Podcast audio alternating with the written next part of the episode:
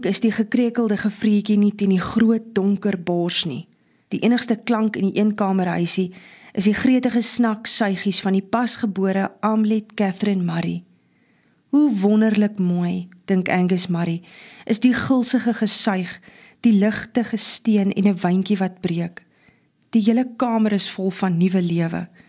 Sy eie lewe uit sy geliefde Amlet, die getroue een wat nie kan wag om huis toe te gaan nie. Verder is dit stil. 'n Gemaklike stilte tussen stom sprekers wat mekaar vir die oomblik tog verstaan.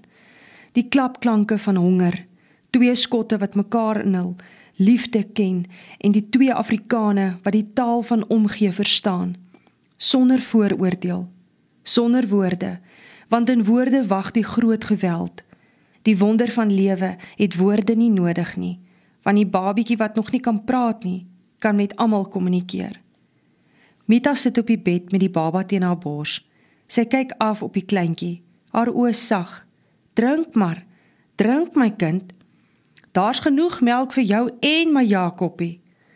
Wat sê sy? vra Amlet. Iets van melk. Help Angus, wat tussen die claims al meer van Afrikaans geleer het as die eensame Amlet. Hy sou nader wou staan aan die vrou en die kind, maar hy weet nie mooi waar om te kyk nie. Nou staan hy maar by die voetenend van die bed waarop Amlet eenkant toe geskuif het sodat Mita langs haar kon kom sit en die baba teen haar gedruk het die groot bors sonder skroom uitgehaal het en die tepel vir die soekende mondjie gegee het. As hy vir sy kind kyk, daar waar hy wil kyk, kan dit ongemaklik wees. Hy wil net na sy Cathy kyk. Hy het voor die geboorte al sy hart op 'n seentjie gesit, maar dit nie in soveel woorde duidelik vir Amlet gesê nie, net geskimp miskien. En toe is dit 'n dogtertjie. Dis die eerste ding wat hy gesien het toe Hetta die glibberige baba aan twee voetjies in die lug gehou het. Hy het weer gekyk toe sy haar skoon gewas het met die klam handdoek. Hy kon sy oë nie van sy kind afhou nie. Melk was die eerste ding wat Amlet slaperig gevra het toe sy die baba sien. Angus gaan roep vir Mita, het dit hom aangesê. Mita, het hy bedees gevra. Amlet het nie genoeg melk nie. Sy kon sien hy verstaan nie. Jakob se vrou, sy het ook 'n baba, klein Jakob, en sy het genoeg melk, gaan roep haar. Angus het uitgeloop. Die koue soos 'n vriendelike hand op sy wange gevoel. Die wind was weg. Die son huiwer agter die gatsrand en hy haas hom al met die voetpad langs na waar hy weet Jakob woon. Hy onthou ook van Jakob se baba. 'n Klein is te klein vir twee mans om nie van mekaar te weet nie. Buite Jakob se ronde huis brand die vuur ook al in die kookskerm, maar daar's niemand buite nie. Angus staan 'n entjie weg. Hoe klop 'n mens? wonder hy want die deur is eintlik meer net 'n beesvel of iets in die deuropening. Jakob roep hy onmiddellik van buite af en Jakob buig onmiddellik in die deur. Glimlag toe hy sien wie die besoeker is en kom nader. Weer val die gespierde liggaam Angus op. Veral nou dat Jakob sonder hemp voor hom staan, asof hy die koue nie voel nie. Ek het Mita kom roep, sê Angus. Mita, vra Jakob. Melk, antwoord Angus. Ek roep haar. Angus kry die gevoel dat Jakob weet waaroor dit gaan. Mita en Hetta moes seker al hieroor gepraat het. Is al wat hy kan dink. Amlet het dit as 'n moontlike oplossing genoem, onthou hy nou vaagweg. Jy los net asseblief die afarm weduwee se melk uit, het sy meer as eenmal driftig gesê. Gisteroggend nog het sy weer beslis gesê, beesmelk is in elk geval buite die kwessie. Ek wil daardie vrou niks skuld nie. Mita het agter Jakob by hulle deur uitgekom, klaar aangetrek asof sy net op die boodskap gewag het. "Die baba het gekom," vra sy. Angus het geknik. "Ons loop," sê Mita toe en stap voor Angus uit.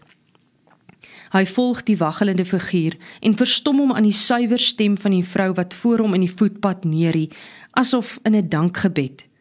Hetta is die een wat organiseer toe Angus met Mita terugkom. Kom sit hier op die bed, Mita. Die kind is honger. Skuif bietjie weg, Amlet. Sy neem Amlet sag aan die skouers en druk haar eenkant toe op die smal bed. Kyk weg, beveel sy Angus wat verleë eenkant toe staan, toe Mita haar een mou oor haar skouer aftrek. Vryf jou vrou se voete warm, sê Hetta en steek die primus op. Weet jy ooit hoe? Hy kyk weer na sy vrou en sy kind en sluit sy oë. Dit is steeds stil in die vertrek, net die gulsige gesuig van Cathy. Sy het genoeg, sê Mita uiteindelik en gee die baba vir haar ma. 'n Mooie kind, sê Mita, en gesond. Perfek geskape. Die Here is goed vir ons, sê Hita en gooi die kombers oor die moeder en kind. Ek kom later weer. Toe draai Mita na Hetta toe omdat sy nie seker is of Amlet haar verstaan nie. Roep maar as jy my nodig het. Voordat Mita uitloop, hou sy haar hand vir 'n oomblik teen Amlet se voorkop en sy glimlag.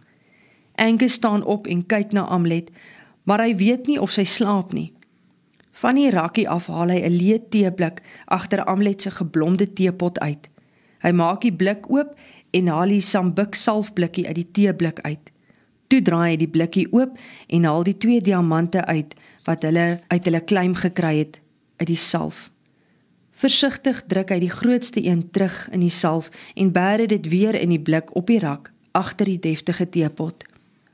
Moet net nie jou diamante opdrink nie, spot Etta. Ek gaan later die diamant verkoop, sê hy. Dit is dan so klein, sê Etta. Daarom so 'n paar pond werd, antwoord hy. Water, hoor hulle Amlet sê. Ek kan 3 dromme koop. Grootbek vra 10 pennies 'n drom. Hy's mal, sê Mita. Ons kan nie daarsonder nie. En die rivier is amper droog. Herinner Retta hulle aan iets wat almal op muur se hoop in elk geval teen die tyd al weet, of jy nou delf en of jy boer. En ek wil die weduwee gaan betaal wat ons haar skuld en vir ons nog melk koop. Beesmelk sal nie met so 'n klein babietjie akkodeer nie, sê Hetta. Angus huiwer, kies sy woorde versigtig omdat hy die gebruike hier nie ken nie. Hy kyk na Hetta terwyl hy eintlik met Mita praat. Ek sal betaal vir die melk. Hy wil jou vir die melk betaal, sê Hetta vir Mita.